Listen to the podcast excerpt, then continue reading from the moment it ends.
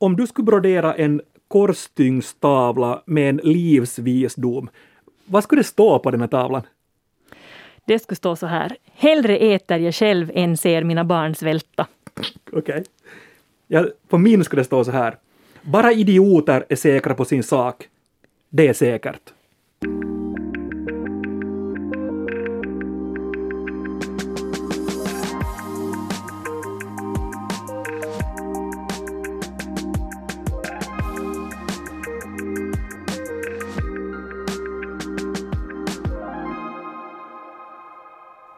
Delar glädje är dubbel glädje. Näst sista ordet är här med mig, Jens Berg, och språkexperten Jenny Silvin. Hej! Vad är det för skillnad mellan ett ordspråk och en aforism? No, aforismer så de är alltså så korta och kärnfulla. Uh, ordet kommer från grekiskan och betyder begränsa, avskilja och många aforismer kommer just fram, kommer, kommer till genom att någon till exempel skriver en dikt och sen tar man bort det omkringliggande och kvar är ett väldigt kärnfullt uttryck. Visst finns det ju också sådana som har skrivit aforismer i sig, men, men ofta så någon har, hittat, någon har skrivit någonting och sen är det någon annan som har hittat en glimmande ädelsten mitt i det där som har skrivits och sen har det, det där lilla korta utdraget fått ett eget liv och levt vidare. Så visdomsord i princip då? Ja, medan ordspråk är kanske mera just sådana som, ja, de kommer komma från ordspråksboken eller liksom sådana gamla talesätt som, som är väldigt vedertagna och, och lever vidare och, och sprids, medan aforismerna kanske inte nödvändigtvis Nej. gör det. Så ett ordspråk är, är typ den som säger i leken ger, den får leken tåla. är mm. ordspråk. Mm. Och aforism, en av, en av de mest kända författaren Mark Twain, det är bättre att hålla munnen stängd och framstå som lite dum än att öppna den och skingra alla tvivel. Det är aforism. Ja, och Mark Twain är ju glimrande för att han, han, han sa och skrev så mycket klokt. Ett annat Mark Twain-citat eller en, en Mark Twain-aforism är Erfarenhet hjälper en att fatta kloka beslut. Och erfarenhet får man genom att fatta dåliga beslut. Ja, det är briljant. Någon har sagt också, det här är också med i aforismer ofta någon, men någon har sagt att en aforism är en roman på en rad. Men blir det kanske en aforism om aforismen? Ja, det kanske det blir. Men jag tänker just att om man då tänker sig historien bakom att man lär, erfarenheten lär en fatta kloka beslut så blir man lite nyfiken på vilka de här dåliga besluten har varit som leder till den här erfarenheten. Sant. Och en aforism om aforismer ännu, Atos Virtanen. Att bereda läsaren glädjen av igenkännandets överraskning är charmen hos den äkta aforismen. Alltså det där att, att, att hej, det där har jag hela tiden tänkt på men inte kunnat uttala, så här är det. Ja. Och Atos Virtanen, journalist, författare och politiker och Snusmumriken, alltså Atos Virtanen Snusmumriken. Ja, han var förebild för, för ja. den som blev Snusmumriken i Tove Janssons Muminböcker. Uh, från Trollvinter, där finns bland annat citatet ”Allting är mycket osäkert och det är just det som lugnar mig”, ja. säger Tutikki. Och det, det, är också en, en liten diamant som finns i den boken som, som sen har levt vidare. En annan som jag tycker är ljuvlig också från Muminpappans bravader, eller Muminpappans memoarer som den också heter. Det är någonting med ett dålighetsliv och ett dålighetsliv är att dricka öl och trampa i folks köksträdgårdar. Den, den definitionen. Men bland alla aforistiker som finns och som har kläckt kloka, kloka saker, vilken, vem, vem, vem, vem är din favorit? No, Maya Angelou är en eh, person som jag blev bekant med först relativt nyligen. Hon, är alltså, hon var en svart amerikansk människorättsaktivist, författare, poet, skådespelare och liksom kultur, kulturpersonlighet i största allmänhet. Och hon sa väldigt mycket klokt om att vara människa som lite förlorar i elegans när jag översätter, därför kommer jag bara med ett exempel, men, men här då har jag försökt översätta det. Folk glömmer vad man sa och folk glömmer vad man gjorde, men de glömmer inte hur man fick dem att känna sig. Det där är faktiskt bra, för att det, är ju, det där är ju så att poletten ramlar ner, eller så där, det där uttrycker någonting som man själv känner igen. De här personerna, vilka är de här personerna man på något sätt bara älskar och beundrar och sett upp till? Och då är det ju ofta personer som har väckt en känsla hos en, på samma sätt som, som det finns de här som trycker ner en. Och, och då, är, då är den skadan skedd och det spelar ingen roll om de eventuellt gjorde och sa snälla saker, men man Nej. minns dem som otrevliga. Jag funderar just vad, vad det här säger om oss, att du har Maya Angelou. Och när jag plockar fram min favorit äh, aforistiker så är det alltså Nalle Puh. Lite sådär, vad ska vi kalla honom, snäll dumma björnen i Sjumilaskogen. Ja, men han var ju så klok han med. Ja, visst ja. Och visdomsorden i böckerna om Nalle Puh och hans vänner så är då skrivna av Alan Alexander Milne, en brittisk författare dog någon gång på, på, på 1950-talet visst. Och, och de här berättelserna grundar ju sig då på Milnes son Christopher Robin och hans tygdjur. Och Milne i sig var ju en ganska bred författare och dramatiker, men det är sagorna om Nalle Puh som blev hans stora succé och det är därför vi, vi, vi minns Milne. Och det är ju så då, att Nalle Puh filosoferar och säger en massa mer eller mindre kloka saker i de här böckerna. Och, och jag kunde inte bara ta ett, så jag har tagit tre om det, okej? Okay? Mm. Mm, och har gjort en lista. Så på tredje plats äh, när det gäller mina favorit äh, Nalle Puh-aforismer. Om en person du talar med inte tycks lyssna, var tålmodig. Det kan helt enkelt vara så att han har lite ludd i ena örat. Men inte så? Det var lite dåligt. Ja, och sen äh, på, på andra plats, äh, Nalle Puh favorit aforismer. När du tittar på dina båda tassar behöver du bara bestämma dig för vilken som är den högra. Sen kan du vara helt säker på att den andra är den vänstra. Fast det där lever jag ju enligt varje dag. Det är inte bara det att alla håller inte alltid med mig om vilken som är höger och vänster. Och sen då, äh, min favoritaforism, och det här är också då Nalle Puh. Fastän det är förfärligt gott att äta honung så finns det ett ögonblick alldeles innan man börjar äta den som är nästan ännu bättre. Fast Nalle, Puh har, Nalle Puhs vad heter det, förhållande till honung är lite som alkoholistens förhållande till spriten. Att tänk den liksom precis innan man får ta sin första öl. Men också den här, minns du den scenen där han äter för mycket honung hos kanin och sen inte kan gå hem? Ja. För att han inte får plats genom dörren. Och det här har min pappa alltid tolkat som att ja, ja men tänk dig att du är, du är hemma hos någon och sen bjuder den på just så mycket, liksom lite för mycket sprit för att du ska kunna ta dig hem. Att det är ju egentligen i överbeförd betydelse just precis den historien. No, ja, men nu blandar du in sprit här och Nalle, nallepu. Jag tänkte mer sådär vet du, att du har, du har fångat fisk och sen så tänker du att nu ska du halstra abborrar och sådär och den här känslan just innan du börjar äta. Så tänker jag. Ja, det är sant. Du har rätt. Vi bad också er i publiken att skicka in era mest älskade och hatade aforismer. Tack för dem. Vi fick in över hundra förslag. Många briljanta här. Isa bland annat. Om du funderar för länge på nästa steg kommer du att tillbringa livet på ett ben. Fint. Ja. Men märkte du att det, att det utmynnar det här mest i förslag på aforismer, ibland också då kanske på gränsen till ordspråk, som man upplever att är utnötta eller, eller bara är, är korkade och dåliga? Alltså det var ju, det, vi fick många förslag på just den här favorithat Ja, ja. Klaus till exempel här, eh, små barn, små problem, stora barn, stora problem och så skriver han logiken här. Lisa kommer ju ändå att börja knarka så det gör ingenting om hon fick kvar sitt mycket. Men alltså jag tycker bara det där är bara en, en i serien sån här riktigt nedslående saker man säger till blivande eller nyblivna föräldrar. Att, Sov nu för du kommer aldrig att få sova sen eller om du tycker att det är jobbigt nu så vänta tills du blir äldre. Ja, det är sant. Susanna, tomma tunnor skramlar mest. Jag gillar folk som syns och hörs och det är sällan en, en indikation på att det är ihåliga eller blåsta, skriver, skriver hon här. Det är sant. Men jag tycker kanske mer att det, jag tolkar mer tomma tunnor och skramlar mest som att folk som snackar väldigt mycket om vad de tänker göra kanske inte får så väldigt mycket gjort. Nej. Och där är vi kanske mera in på, på ordstäv och ordspråk också. Men sen finns det två riktiga hatobjekt i, i Svenskfinland, för att det är många som har skrivit in här, Birgitta bland annat. Det finns inget dåligt väder, bara dåliga kläder. Ja, säg det åt brudparet i pingsttider. Ja, men det här är bara så dåligt. Absolut finns det ju skitväder. Ja. Och sen då uh, hatobjektet nummer ett i Svenskfinland, åtminstone utifrån den respons vi har fått. Jag An- vet vad det är. Jag vet precis vad du tänker komma med. Annika skriver här, carpe diem. Carpe diem. Ja. Ja, det är en latinsk fras som bokstavligen betyder fånga dagen och frasen kommer från ett ord av poeten Horatius från romerska riket och, och frasen är ett epikur, epik, epikuriskt talesätt som uppmanar folk till att njuta av livet med måtta. Eh, Carpe diem quam minimum credula postero. Fånga dagen, lita ej på morgondagen.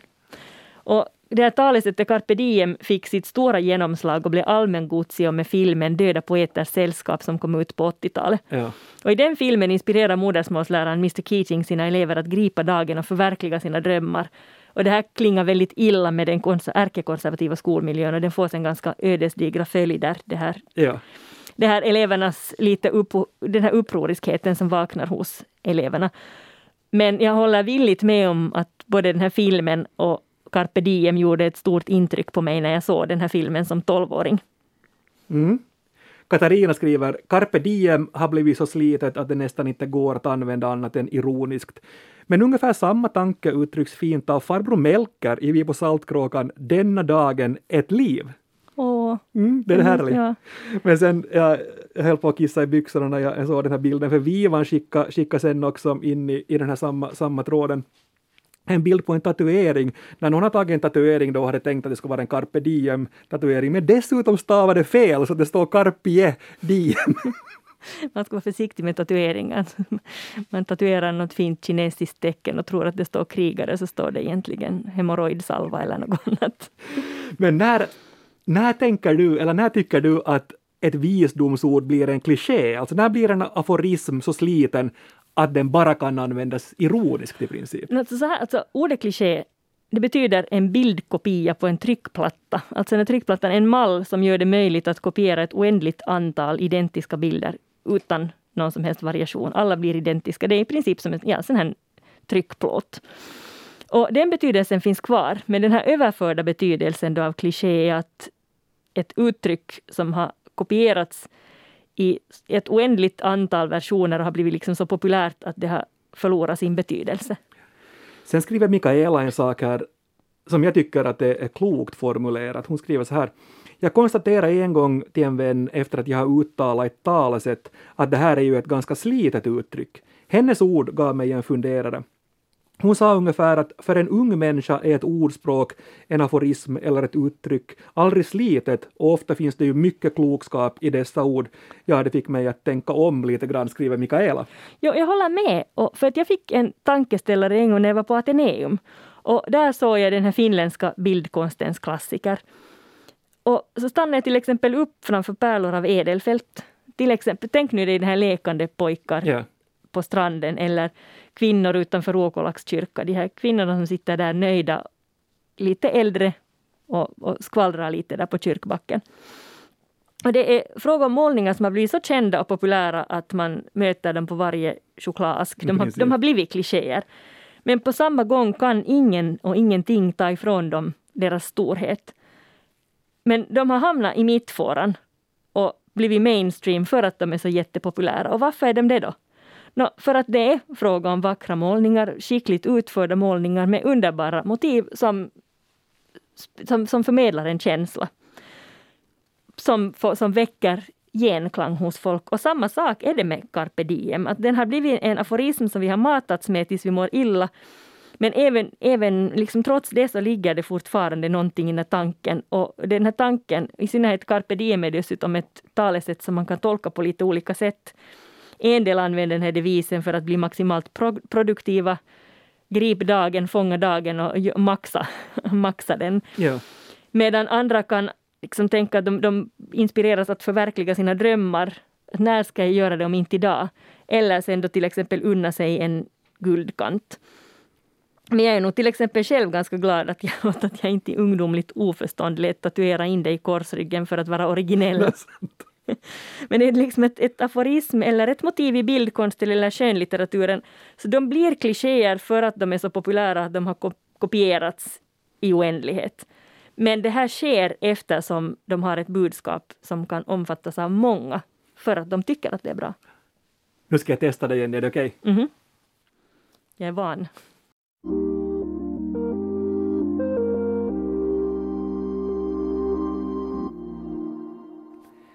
Jag har nu plockat ut några riktigt, riktigt kända aforismer och din uppgift så blir nu att säga om du tycker att de här fortfarande håller eller om de har övergått till att bli klichéer. Nu får du alltså utgå från dig själv och, och hur, hur du tänker att, att, att om du skulle göra då en, en, en tavla med det här eller, eller ha det här på väggen eller någonting sånt. Mhm. Den första. När förändringens vind blåser reser några vindskydd, andra bygger väderkvarnar. Kinesiskt. Kinesisk aforism. Uh, jag inte skulle kanske brodera det på min hustavla men, men jag menar inte, inte stör det mig, inte blir jag irriterad på det heller. Det är helt klokt. Ja, för när jag hörde den här första gången så, så då var det så att poletten ramlade ramla ner. Jag tänkte just så här är det. Mm. Men sen har jag sett den så, så mycket nu så den kanske har blivit en, blivit en kliché, men den är ju den är jätte, jätteklok. Sen ska vi ta en av uh, Albert Einstein förstås. A man with one watch always knows what time it is. A man with two watches can never be sure. Ja, egentligen så varför på engelska, på svenska skulle den då heta ungefär att en, en person, en, en man med två, förlåt, en man med en klocka vet alltid vad, klock, vad, vad, klockan är. Eh, Medan en man med två klockor aldrig kan vara säker. Det här är, ju liksom relativitetsteorin på något sätt. Lite eh, i ett nötskal. Men den håller alltså, den här håller. Ja, det är sant. Följande då. Det finns en orsak till varför vi är utrustade med två öron och en mun. Mm, fast den orsaken är ju kanske inte den, den, den som signaleras här. Orsaken till att vi har två öron är helt enkelt att vi ska kunna bedöma avstånd. Jag är inte helt säker på den heller. Och följande då, från arbetslivet kanske. Att vara chef är en position, att vara ledare är en relation. Den där tycker jag är lite töntig. Den jag? Ja, säkert sant. Och sen vill jag nu, innan ni tror att, att jag, jag tycker att det är någon mening med evolutionen, så vill jag ännu understryka här att det är ju kanske inte så att vi har, vi har två öron för att vi ska kunna höra vad djur, bed- bedöma avstånd, utan vi har, det har utvecklats för att vi har en nytta av att kunna bedöma avstånd. Jag trodde det var för att örhängena kom i par. Mm. Den här då, en diplomat är en sån är en som ber en fara åt helvete men gör det på ett sånt sätt att man med förväntan och verklig glädje ser fram emot resan. Den här har jag hört tidigare. En annan version är en diplomat är en som alltid kommer ihåg sin hustrus födelse men aldrig minns hur gammal hon är. Just det. Äh? Sista som jag testar på dig. Woody Allen. Jag är inte rädd för att dö, jag vill bara inte vara där när det händer. Och jag kan på något sätt lite hålla med om det här. Samtidigt som jag kanske tycker att en del av mig vill vara där när det händer. Att det är också en viktig del av livet. Jag vill på något sätt känna hur det känns, men gärna under någon sorts kontrollerade former.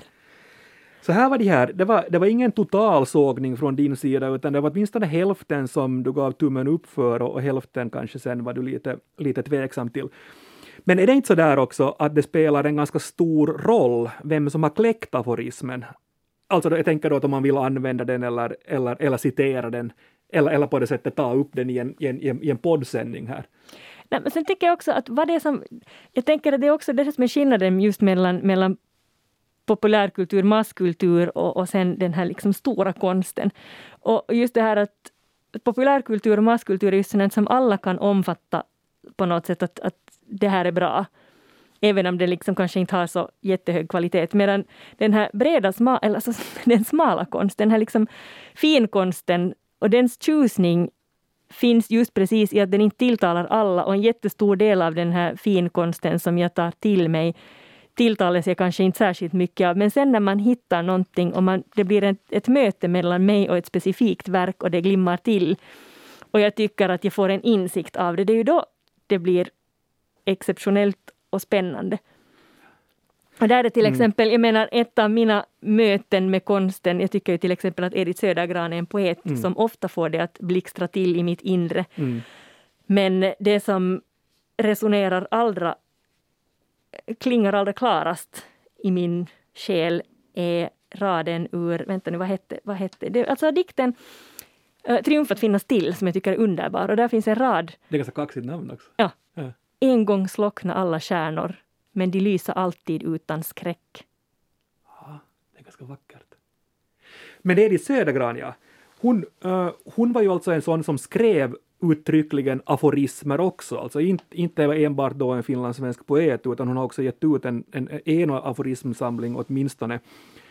Och om vi tittar på några av de här kända aforismerna i, i sig, så, så har hon skrivit den motpart man får i ett äktenskap har man alltid förtjänat.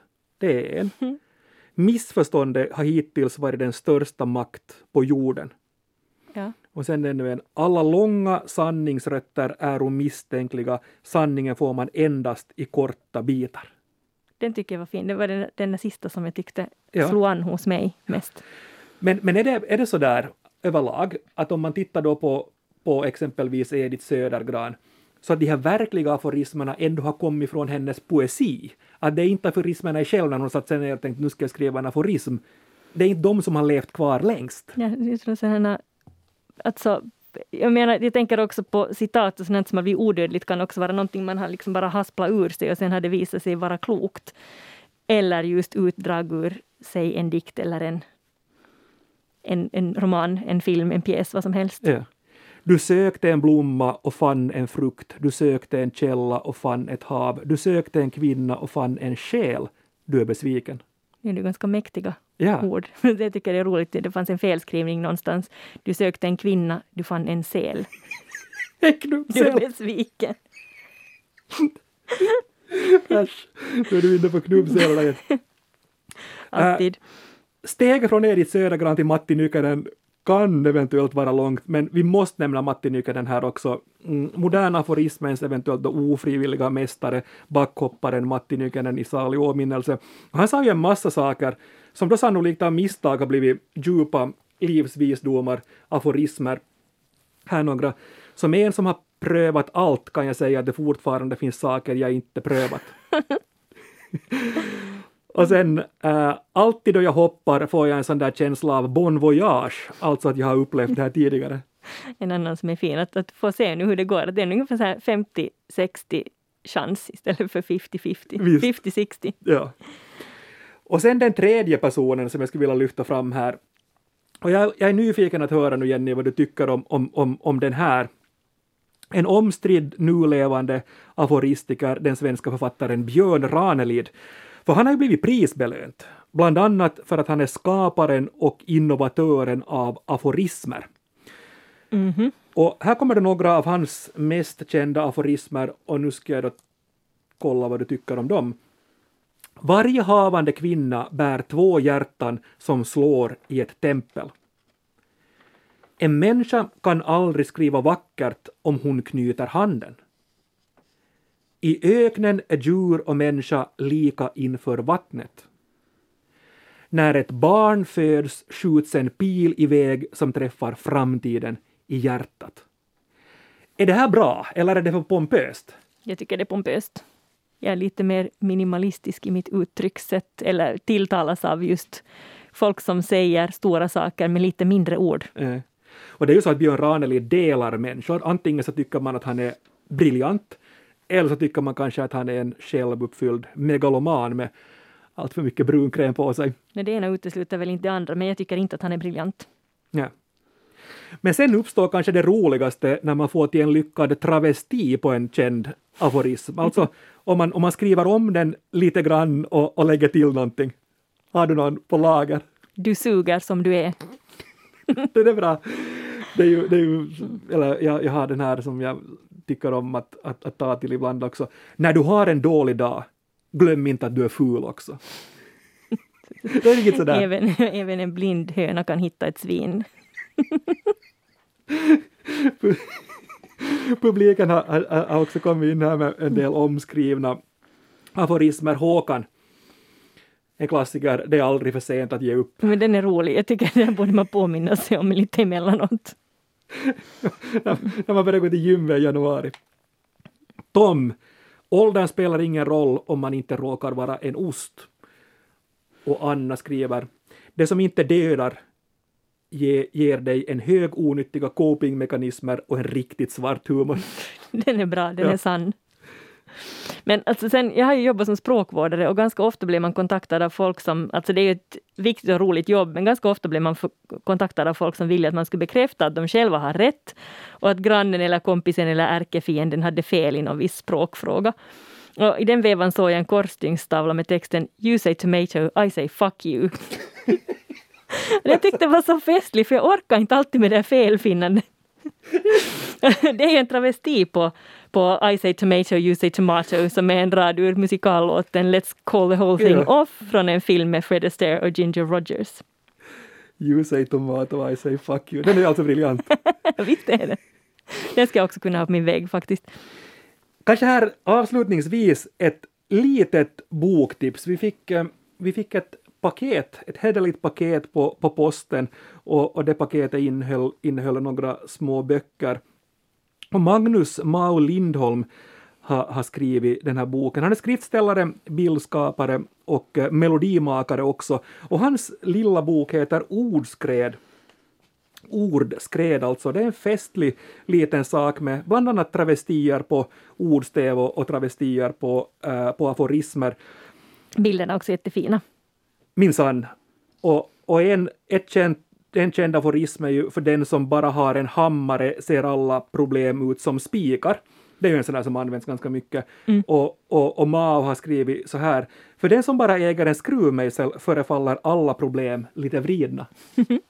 Han har några andra, andra briljanta där, där också. En svala inomhus gör att ingen somnar. När, nikonist, när nikotinisten försöker fimpa går det ofta helt åt pipan och ett rått spratt förvränger livet. Mm. Så den, den rekommenderar jag faktiskt, den var en, en tankeväckande liten, liten Små sak. klurigheter. Men sen har jag sparat en lämplig aforism här till, till, till slut. Ivar Wallensten, pedagog, författare, svensk sådan, dog visst här för, för några år sedan. Han är, han är upphovsman till, till många aforismer. Och han har bland annat skrivit en sån här. Den perfekta äkta mannen nöjer sig alltid med näst sista ordet. Åh, förstås. Förstås. Tack Ivar för, för den. Det är roligt att vi har också lyssnare, ja, var han nu finns sen, sen idag i salig åminnelse. Men tack hörni för alla kommentarer, för alla aforismer. På svenska.yle.fi förresten så kan ni läsa mer om aforismer. Där kommer Jenny och jag att lista också en del favoriter och en del hatobjekt. Fortsätt gärna att skriva till oss på nastsistaordet yle.fi. Men nu för den här veckan säger Jenny och Jens Morgens! morgens.